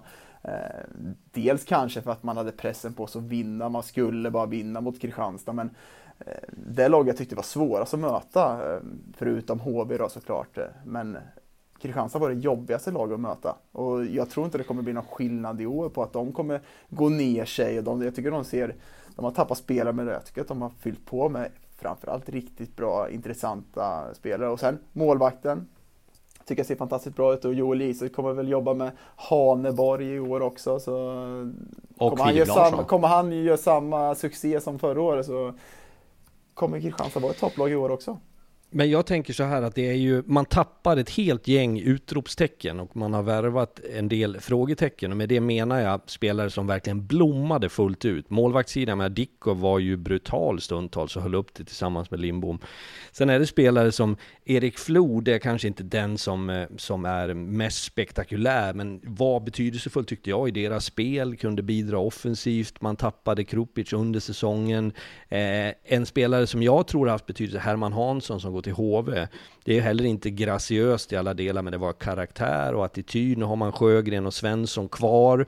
Så man har en kärna, men jag bara säger det som ett faktum. Det krävs eh, att, att eh, den gode Gat har full koll på de här eh, importerna för att det ska bli samma eh, stuns i det. Men de har ju byggt upp ett förtroende och respekt och där är en grej bara som är lite kul för att jag kan tycka Ibland har det funnits lag genom åren som, ta Oskarshamn i början, SHL-tiden. Det var ingen som, alltså man åkte dit och mötte dem i förhoppning om att det här skulle vara lätta poäng. Och tack vare att man gjorde på det sättet så så, så fick man bonuspoäng med sig för att det var ingen som tog dem på allvar. Kristianstad hade lite den stämpeln, men nu har ju de plötsligt ett rykte om sig som gör att alla har respekt för dem. Så frågan är hur det påverkar deras poängplockande. Ja, de sätts i en annan situation i år. De, de har ju lite, inte favoritskap, men man vet att de kommer vara med i toppen, tänker alla. Eh, ja. Och alla tror att de kommer vara det också. Sen så tycker jag rekryteringen av Filip Karlsson, som inte fick det att stämma riktigt i Västerås förra året. Kan han få en större roll där och växa in i det här? Ja, och sen som jag sa innan, Kik var ju en fantastisk spelare. Men som sagt, alla sitter och pratar om att Kristianstad ska vara ett givet topplag. Klarar de av den pressen? Förra året satt de lite, det var en smekmånad för dem. Eh, andra mm. året alltid lite tuffare som man pratar om. Så är det. Men det jag sett av dem på försäsongen, både mot Växjö och Rögle, så kommer de köra exakt lika hårt och vara exakt lika jobbiga på hemmaplan som de var förra året. Och eh, med det så hoppar jag vidare på de här lagen för att vi ska hinna dippa lite grann i alla. Vi kommer såklart eh, förhoppningsvis, eh, om vi ska podda hela säsongen här, att eh, dyka ner i alla lag. Men AIK då? Jag menar Djurgården kommer ner, de måste spänna musklerna för de vet eh, fanskaran liksom kommer inte köpa att Djurgården kommer att putta runt om den här säsongen. Man får tillbaka Gynge som är ju en av de eh, största stjärnorna som har värvats in till ligan den här säsongen. Vad, vad tänker vi om AIK då? Vad är rimliga förväntningar att ha på dem? Liksom, kan man räkna att AIK ska vara med topp 4 liksom, med det här laget? De har tappat Komchenko, får in Klas Endre där bak. En backsida som visst, de har fyllt på lite grann och sådär en del spännande med William Eriksson som har fått ner Sia Nybeck. Vad, vad, kan vi ha för, för förväntningar på AIK? AIK var en besvikelse förra säsongen. Jag tyckte att man eh, kom så sakteliga, men inte tillräckligt mycket. Det var aldrig riktigt uruselt, eh, men det blev aldrig heller någon utmanare. Eh, så det var en besvikelse för mig. Men jag tänker att de har ju ett nytt ledarskap i form av sportcheftränare sedan ett år tillbaka. Kan man ha lite tålamod, för AIK är en sån klubb där jag tror att det tassar ganska många eh, råttor råttor, och då menar jag inte negativt, utan de är väl råttor när man är AIK och gnagare, eh, som gärna har in, vill ha inflytande. Kan man backa undan lite, låta det här ledarskapet funka? Man rekryterar, som du nämner, bra. Tittar på backsidan, Flod hade vi där, Lyckåsen som jag tyckte var eh, ruskigt skön, även om jag inte visste vad jag hade han alla gånger. Du har spelat med honom men, men eh, det var liksom en, en, spektakulär spelare. Man har uppdaterat den eh, backsidan på det viset tycker jag, även om stabilitet är viktig. Forwardsidan, bra namn in. Jag tror att man kommer. Jag tror att AIK kommer att vara bättre. Men jag är fortfarande frågande. Eh, bättre skulle ju teoretiskt kunna vara då, vad slutade AIK? Var de nia? Åtta? Nia? Eh, skulle det vara åtta då, eller sjua? Men, men frågan är ju här, är det topp fem? Är det topp tre? Ah, jag är inte säker på tre, men fem, ja men där ska man kunna vara. Där ska man kunna vara. Jag, jag, lite på Albert Lyckåsen där, en av de bästa offensiva backar i den här ligan skulle jag säga. Eh, fantastiskt bra hockeyspelare och får han bara den här, han har inte lyckats riktigt, Karlskoga förra året, men sen har han varit i många lag där och inte lyckats få ut det riktigt. Eh, så kan han träffa rätt som han gjorde i Karlskoga förra året så kan det vara en av de bästa värvningarna som AIK har gjort på flera år faktiskt. För det här är en bra PP-back och framförallt bra back i 5 mot 5 spelet också. Så. Jag ska säga en sak på han bara, för det beskriver också situationen ibland för unga spelare. Han höll på att hamna nere hos mig i Schweiz för två säsonger sedan. Han tillhörde väl Linköping, eh, ska försöka tänka rätt här nu. Linköping ville låna ut han. Då var det inte riktigt någon allsvensk klubb som var beredd att ta honom. Eh, så då var det hans agent kontaktade oss. Vi hade möjlighet att plocka in en tredje import inför ett slutspel och då, då var jag inne på att kanske ska ta en back och jag hade knappt sett pojken. Eh, nu, nu föll det inte ut på det sättet, han hamnade i Mora. Men det är också någonting som vi ska ha med i, i just allsvenska miljön. För i SHL, där, där plockar du färdiga spelare, åtminstone mer färdiga som du använder i en viss roll. De här eh, spelarna, många av de yngre åtminstone i allsvenskan, är inte färdiga. Och därför så kan en spelare ena dagen lyckåsen är i Karlskoga, kanske lite mer kontrollerat spel, lite mer fokus på defensiven. Kommer till AIK, ska han nu vara kung på blå? Är det bra eller dåligt? Är det lätt eller är det svårt i ett derby mot Djurgården att stå som siste man och göra något skönt inför 13 850? Funkar det, funkar det inte? Mycket spännande att se. Ja, med Albert Rydkosson, vi lämnar honom och går över till AIK i, i totalen då. Fredrik säger att eh, topp 5 ska man kunna räkna med Daggen. Vad, vad tänker du kring AIK? Ja, jag tror nog inte det. Jag tror faktiskt inte det. Jag tror under topp 6, 7, 8 där någonstans skulle jag lägga dem faktiskt just nu. Och det är lite som vi pratade om med Djurgårdens juniorer lite eh, förut. Eh, som Fredrik säger lite, det är många som vill prata om AIK, ha inflytande i klubben. Låter de Anton Blomqvist blomma ut här och bli den tränare som jag tror han har kapacitet att göra. Eh, och låta han ha lite lugn och ro och stänga ut all press utifrån och låta han jobba på det sättet som jag tror att de vill att han ska göra. Eh, då tror jag det kan bli väldigt bra. För jag tror att Anton Blomqvist kan få det här laget att växa eh, under en lång tid. Men det, jag tror det kommer krävas en längre tid för att de ska kunna komma dit också. Och det ska bli kul att se om de lyckas stå emot all press utifrån som kommer i en Stockholmsklubb och framförallt AIK som, som Fredrik säger att det är många som ska tycka och tänka och då Ja, det ska bli kul att se om de står emot. För förra året tyckte jag att de gjorde det och lät Anton växa ut också. Så jag tror att han kan blomma ut och bli en riktigt bra tränare också. För er, för er som inte ser Fredrik nu så står han som en eh, snowboardåkare som är en, en sån här startposition och håller armarna fram och redo att kasta sig ut för att eh, följa på här om AIK. Men Fredrik, det är zip, det, vi går vidare för annars kommer vi sitta här till midnatt. Okay. Så du får utveckla ditt eh, svar på AIK lite senare. Vi har ju i princip inte berört Björklöven eller Modo som är, är ju två stora lag som har tillhört toppen här i många säsonger. Inte minst Björklöven som har tre raka finaler. Jag tänker att vi börjar då norrifrån med Björklöven för de här två. Eh, ni var inne på det tidigt i podden att det är en imponerande backsida som ju Per Kente har satt ihop. De har ju ett relativt orutinerat målvaktspar där eh, Jonna Waterline är väldigt rutinerad. Bakom det har man märket Thelin född 2005. Och det luktar väl lite grann att de ska in med en målvakt till där. En backsida, vi börjar där då. Eh, Jakob Andersson in, tillbaka i laget. Eh, Badouan stannar. Eh, Kronholm, Kim Johansson som ju har varit i Vita Hästen och Luleå. Och så sen då Plant kanske tillbaka och Vete Vainio tillbaka från skada med Rahimi då och, och company. Det är nio backar, men Björklöven har flera år i rad haft nio backar. Och så har det ändå varit att det varit backskador i slutet på säsongen. Ja, och det är ju ett gissel. Det är ju ett elände och skador är en naturlig del av sporten. Idrotten, det drabbar alla lag, men vissa blir ju naturligtvis hårdare eh, utsatta för det. Och ofta är det så att skador föder skador, för du går ner, då får du spela på kort om folk, någon spelar för mycket. Du. Så det där, det där måste man jobba sig ur och det skulle vara ett helt avsnitt av Läkarpodden för att kanske lösa allt det. Men jag tycker ju när jag tittar på, för att säga så, Björklövens lag, ett lag som jag tror att jag följde dem de 14 eller 16 sista matcherna från förra säsongen på plats. Så det, jag undrar hur de kunde spela träningsmatcher utan mig på plats nu, men det kanske går ändå. Men med det sagt menar jag att vi, vi, var, vi var nära dem och vi såg ett lag som blev bättre och bättre, som tog sig an ett HV71 i en finalserie. Och sen har man fått behålla eh, relativt många spelare. Man eh, tappar ju eh, eh en del bra. Ehm, den gode Axel Ottosson som var min kanske stora favorit i Björklöven och några till bra spelare. Men man har ersatt bra. Jag håller med, du börjar med att säga Dagen att, att Kentes gäng, eh, Stråle eh, i coachrollen, Alltså de, men de lever ju med pressen, det vet man ju i Umeå. Eh, att, att det här, man går för det. Så att nu eh, är det lite do or är det do or die? Ska vi, nej, så ska vi inte säga. Men, men eh, det, det är do-läge åtminstone för Björklöven. Ja, men hur, hur, länge ska de kunna vara med i toppen och spela de här finalerna utan att gå upp egentligen? Alltså, det känns ju som att det, det är dags nu för dem att liksom ja. ta det steget. Jag tror att publiken suktar efter också. För hur länge kan de hålla ut med den här satsningen att de ska hela tiden vara där men ändå inte gå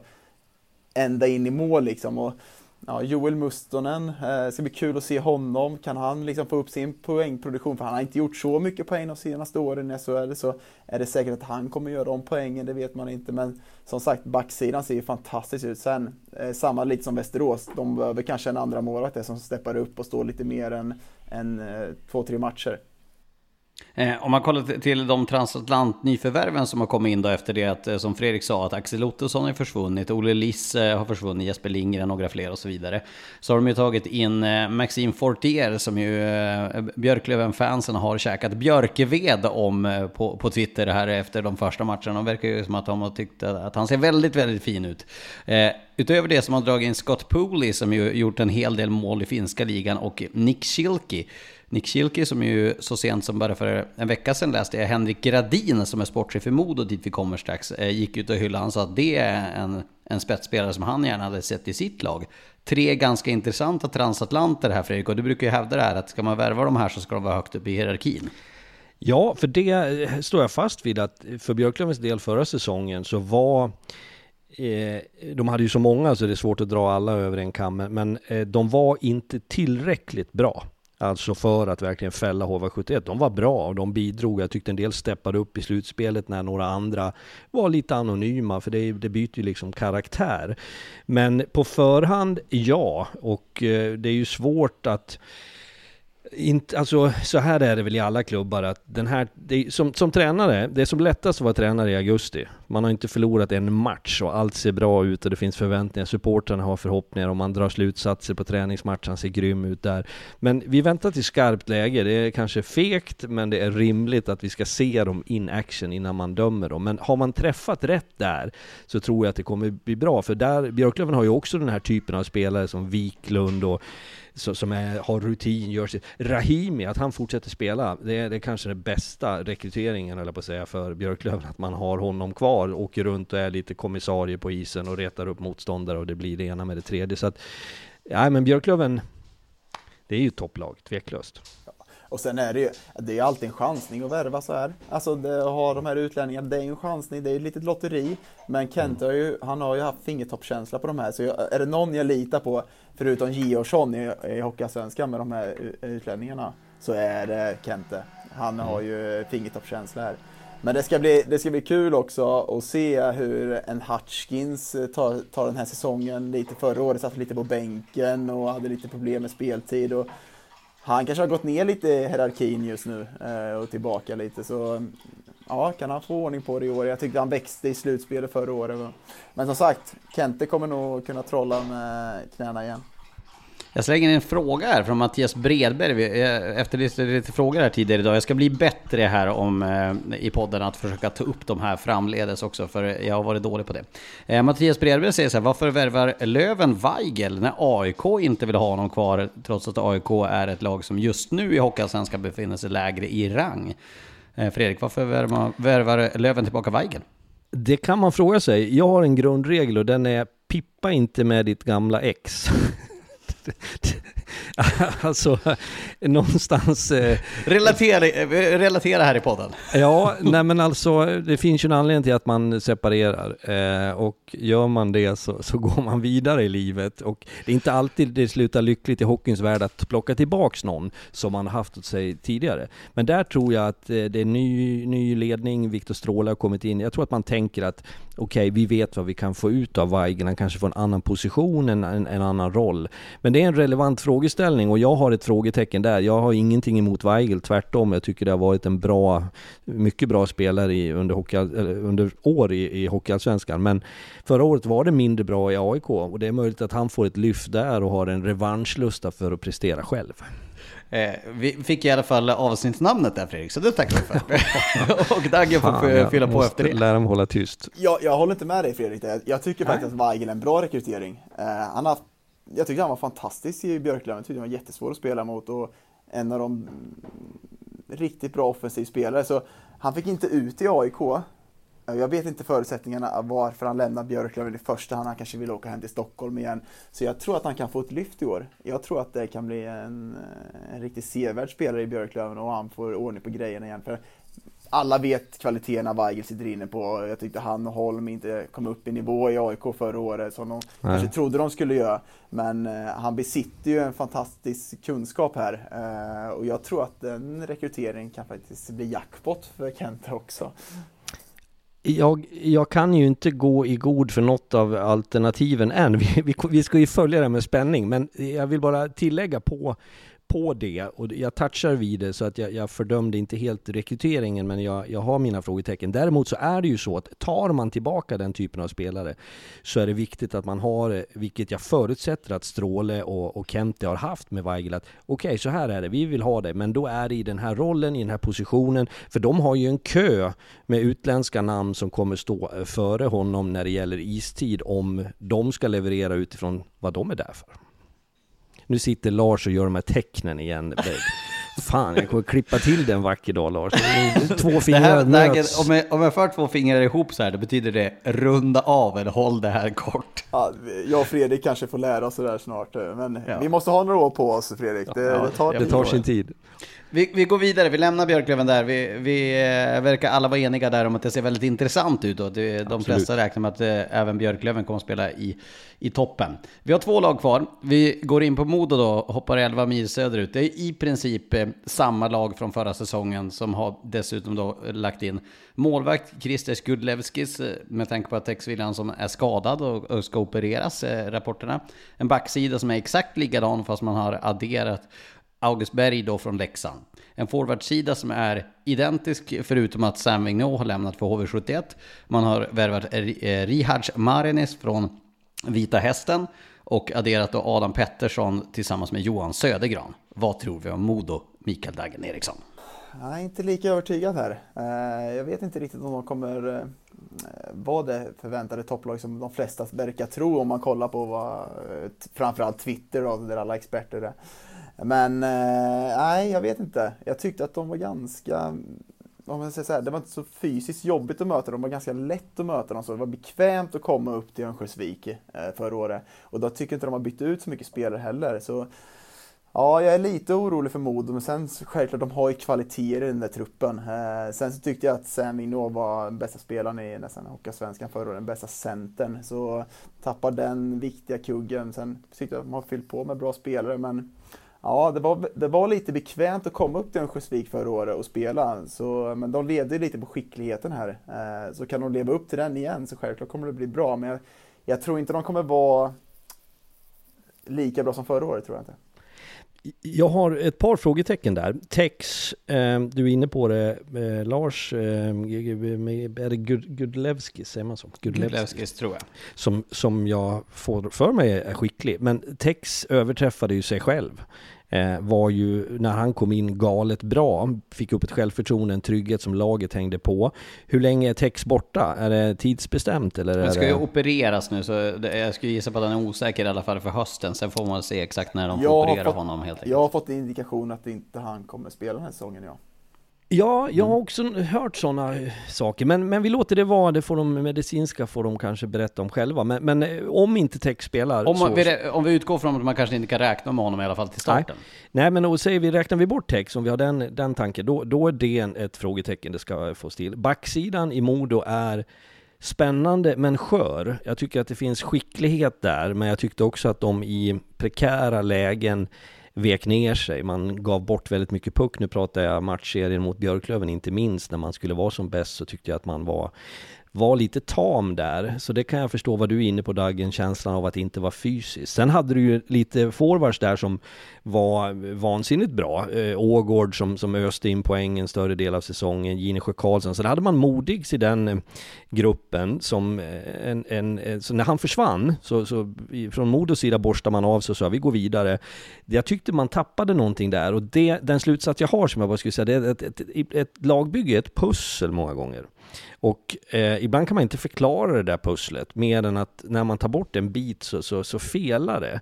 Och därför så, så är det ju en eh, oerhört imponerande om de här som har nu kommit in Eh, Eh, Adam Pettersson som har erfarenheter kommer in, om, om det är lika bra. Marenis, det är en sak, han kom, tog skoten från Kiruna ner till Norrköping och gjorde det bra. Nu är han i ett eh, tänkt topplag, får han samma frihet, samma roll. Södergran som har varit nere i Berlin nu och spelat, vad, vad vet vi där? Så jag är också lite fundersam. Jag tycker att de har fått behållt mycket och varit, det, det ser okej okay ut, men ja, jag vet inte. Lars, vad säger du då som lever i de där Ja, trakterna? Dagge räcker upp handen här nu så får vika ner sig. Hur fan ser du att han räcker upp handen? Är det för att Ja, du får inte se sånt Fredrik, Nähä, du det- följ bara du- på här. Ja. Nej men Mar Marie, vad, hur uttalar man det? Marinus? Riars Marinis. Marinis.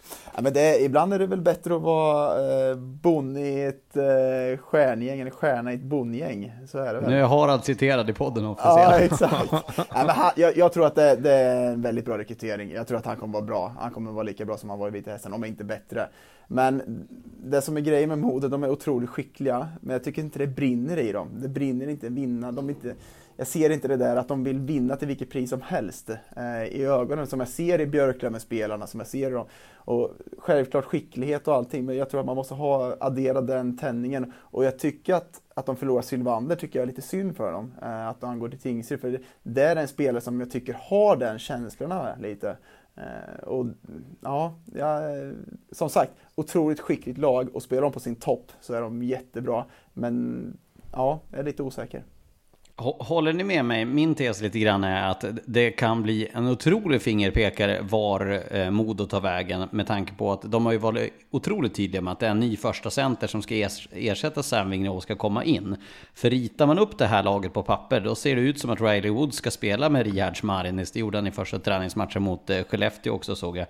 Och att man är väldigt beroende av att det ska falla väl ut med tanke på att, som Daggen sa, det var ju kanske, ja, men det var väl typ ligans bästa spelare för säsongen tillsammans med några i HV. Men nu sitter, Ja. nu sitter vi här igen och vem tvivlar på Mattias Kalin egentligen? Han kommer ju få upp det här, det är, det är ju så. Och Henrik det, är, det är ju Ja. så, det, han kommer få upp det. Men ja, som sagt, jag, precis som Fredrik och säger det, jag tror att de, det kan bli tufft för dem i år. Ja, och jag säger väl så här, eh, Karlins vara eller icke vara eller liksom, nivå, den är ju hög, den behöver vi inte ens diskutera.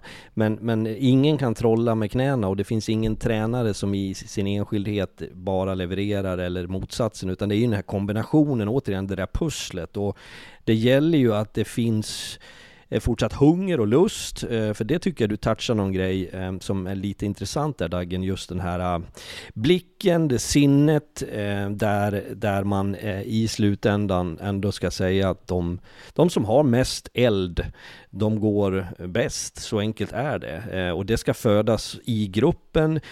Jag tror att man drar slutsatser ibland av att lyssna på Karlin, men, men det han är ju eh, fantastisk på många sätt och en härlig människa, men det är ju ingen studio. Eh, han tänder ju inte studion.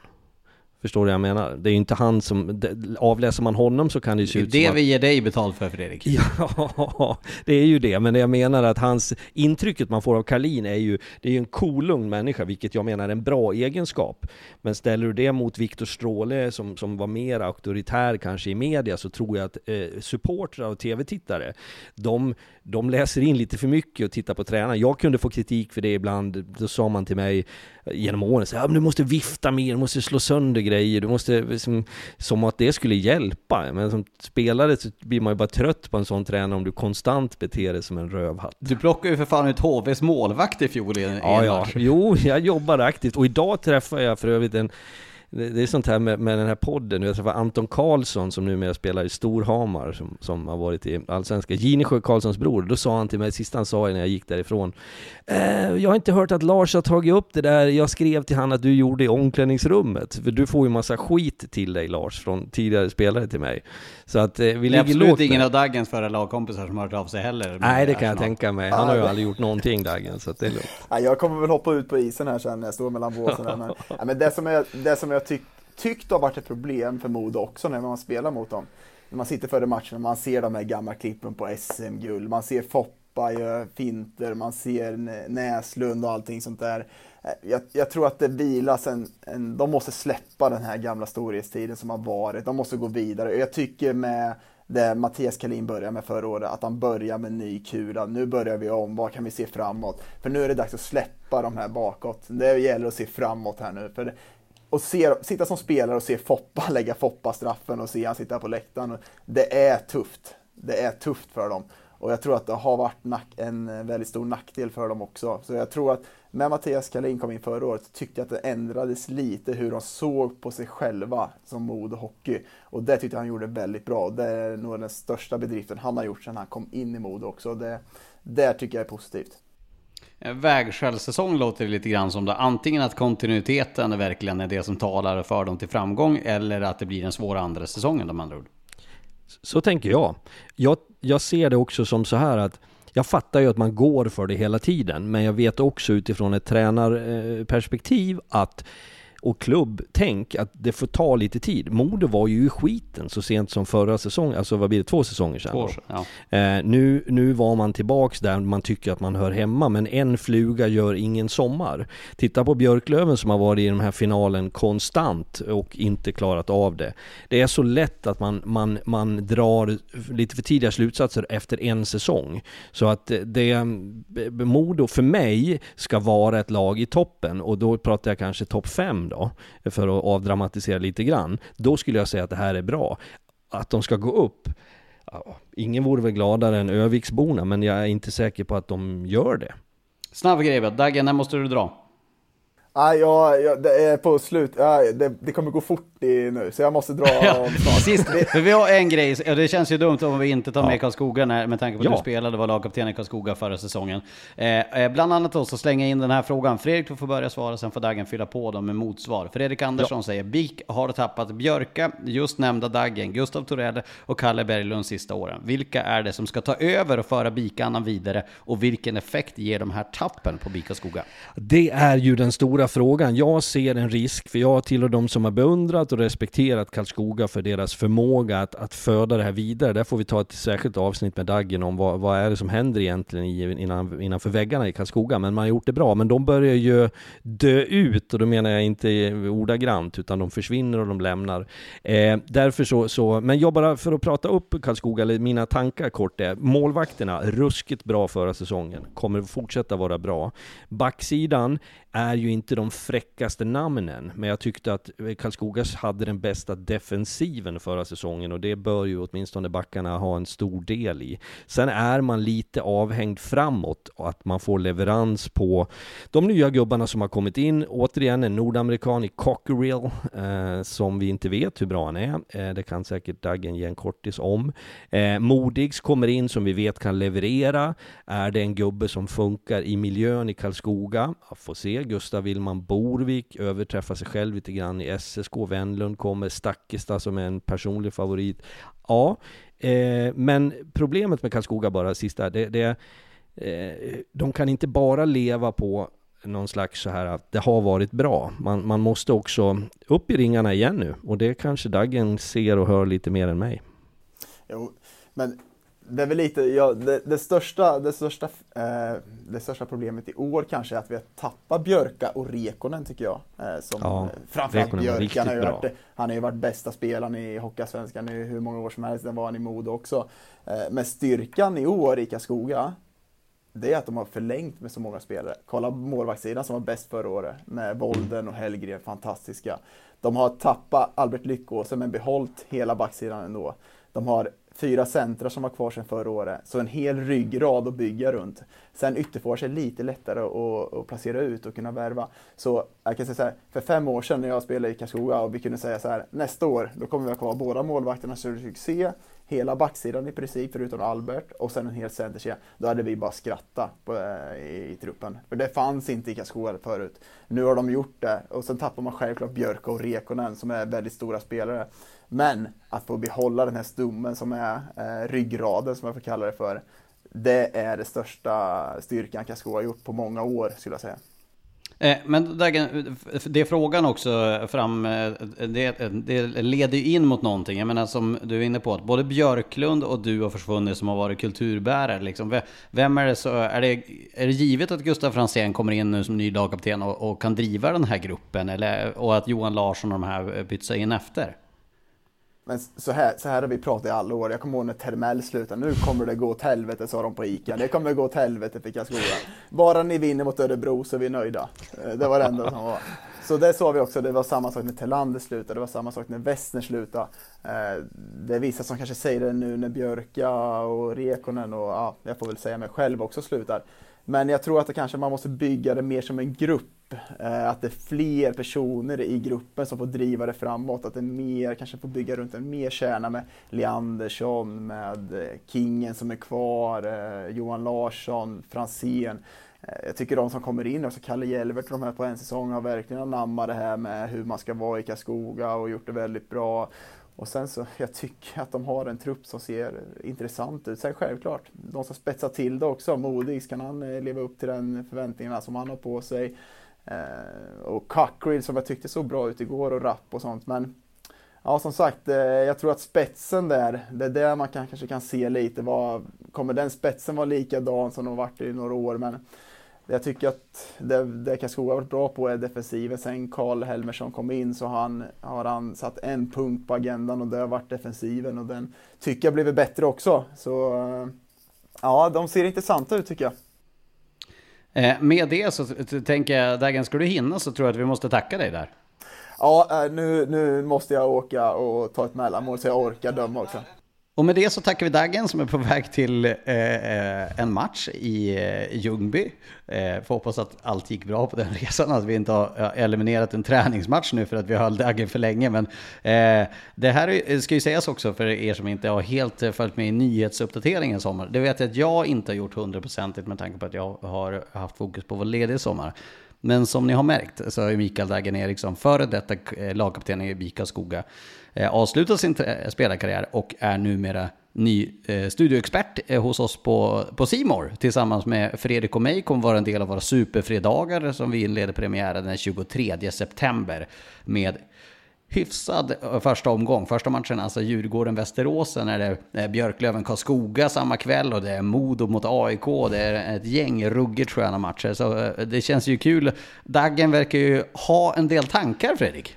Verkligen, och det är ju en spektakulär start med den här superfredagen och Daggen in, vi får ju det är ju inte alla som får vara på Simor, eller hur? Det är ju... Han släpper ju vem som helst, vi är Ja, det var, ja, det var det, det med var så undantag som regel. Nej, men, men det jag menar är att vi har ju, eh, Simor har sökt efter någon ytterligare mm, som ska kunna finnas med kring Hockeyallsvenskan främst då. Eh, där jag och Harald har slitit hårt. Det blir ju så, våren var ju enorm. Ehm, och vi hade Ni jobbar ju varje match, eh, varje dag. Vi gjorde det. Men så hade vi Nils Andersson och vi hade Tobias Forsberg som gör andra saker nu. Så Daggen kliver in i det här och det som han kommer in med med sin bakgrund som spelare färskt kan ju se det från ett spelarperspektiv som är up to date och det tycker jag känns bra. 14 säsonger i ligan.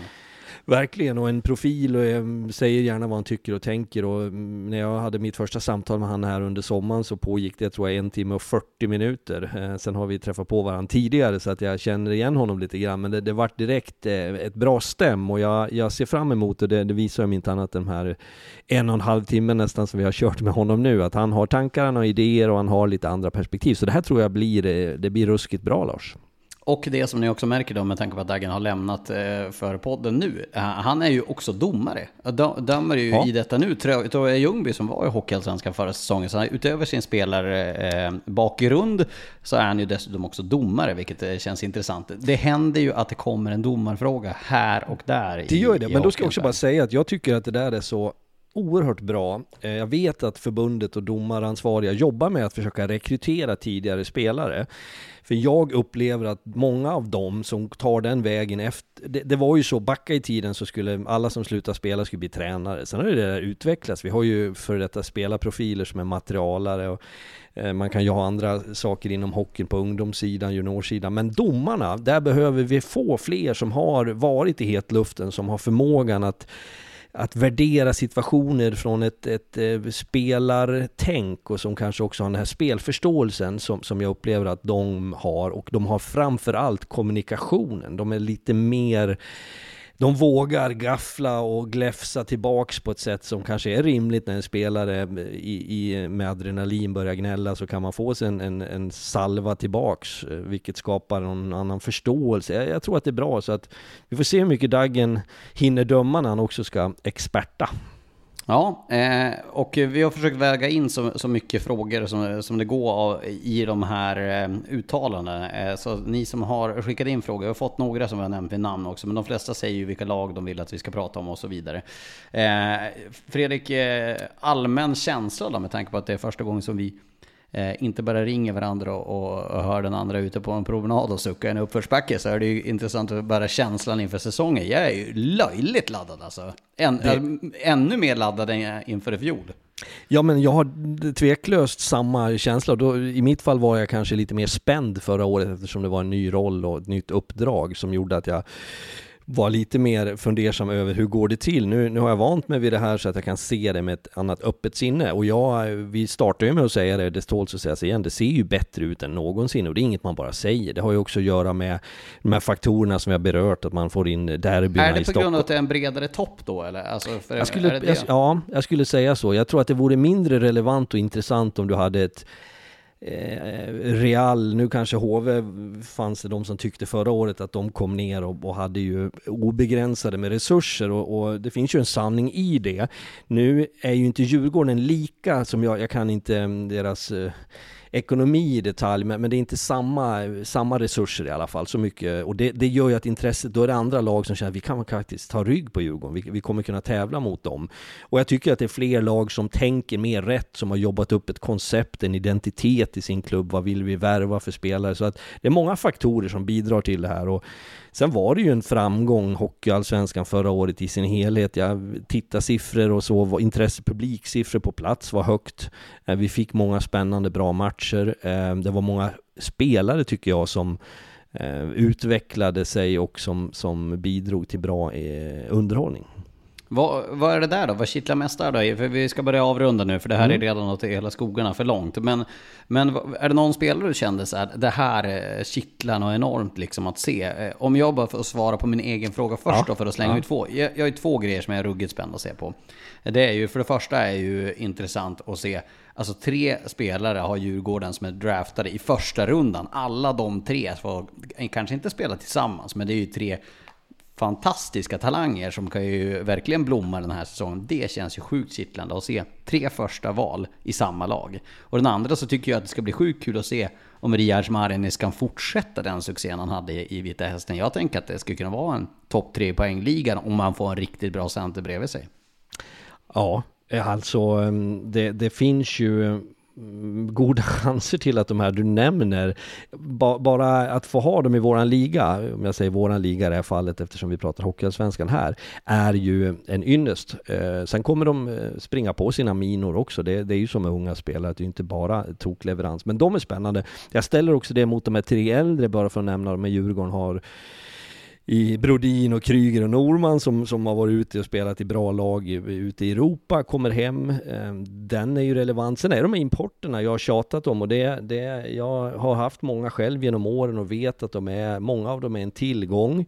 Eh, de kommer in med en annan attityd och karaktär än vad svenska spelare har ibland. De vill ha en större roll. Alla kommer inte lyckas att följa upp det. Vilka är de här överraskande namnen som vi knappt kan uttala i augusti men som är en självklarhet i november att de är topp tre i ligan. Eh, någon kommer att fallera. Sen tycker jag också följa de här äldre spelarna som är lite kulturbärare i, ja men du har Wiklund i Björklöven, du har Larsson i, i Karlskoga, du har, det finns ju liksom någon i varje lag, eh, Persson och Ljunggren och vi kan fortsätta hur många som helst, som också är viktiga för att hålla balansen i sina respektive lag. Um, och sen de, av de svenska, det är ju alltid någon sån där, var kom den där rackaren ifrån? Vi hade Semjonovs förra året som, som kom in i AIK och var hur bra som helst. Vi hade Strandell i Mora som vi stod där och tyckte var wow, det här funkar hur bra som helst. De är ju också spännande att följa upp. Ja, verkligen.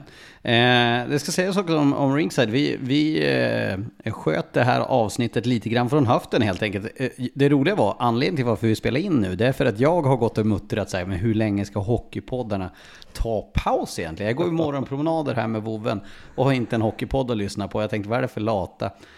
Eh, arslen som är skit i att podda. Och sen kom jag på att eh, Svensson och Sanni har ju redan poddat varsin podd, så jag insåg att vi var ju sist. Alla andra har ju startat om förutom ja, men, och, och vi, har varit, vi har varit sugna ett tag. Sen ja, fick jag också en spark i arslet av en SHL-tränare som ringde mig, som också var ute med hunden en kväll och sa att nu får ni fan kamma till er. Hur länge ska ni vara lediga? Bara att ni jobbar på TV. Nu är det dags att göra ett poddavsnitt så jag har något att lyssna på när mina vovvar ska ut och kacka.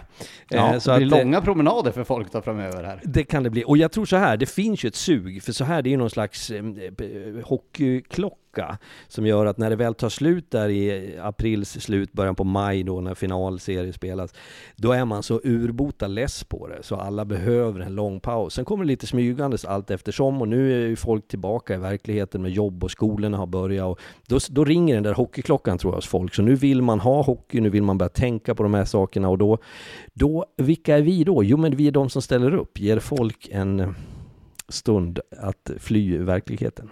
För mig gör det också lite en spark i rumpan att jag behöver lite fler poddar som någon annan kan tänka sig och söka lite mer hockey. Och skicka gärna poddtips till mig för jag eh, går mycket promenader här så jag behöver mer att fylla på. Med det sätter vi punkt. Tack för att ni har varit med när Rinkside har kört det här lilla sommarspecial. Vi får se när vi dyker upp igen. Ni får hålla koll i sociala medier. Ta hand om er, ha en trevlig sommar så ses vi eh, och hörs kanske snart igen. Ha det fint! Mom deserves the best, and there's no better place to shop for Mother's Day than Whole Foods Market. They're your destination for unbeatable savings, from premium gifts to show-stopping flowers and irresistible desserts. Start by saving 33% with Prime on all body care and candles. Then get a 15-stem bunch of tulips for just $9.99 each with Prime. Round out Mom's menu with festive rosé, irresistible berry chantilly cake, and more special treats. Come celebrate Mother's Day at Whole Foods Market.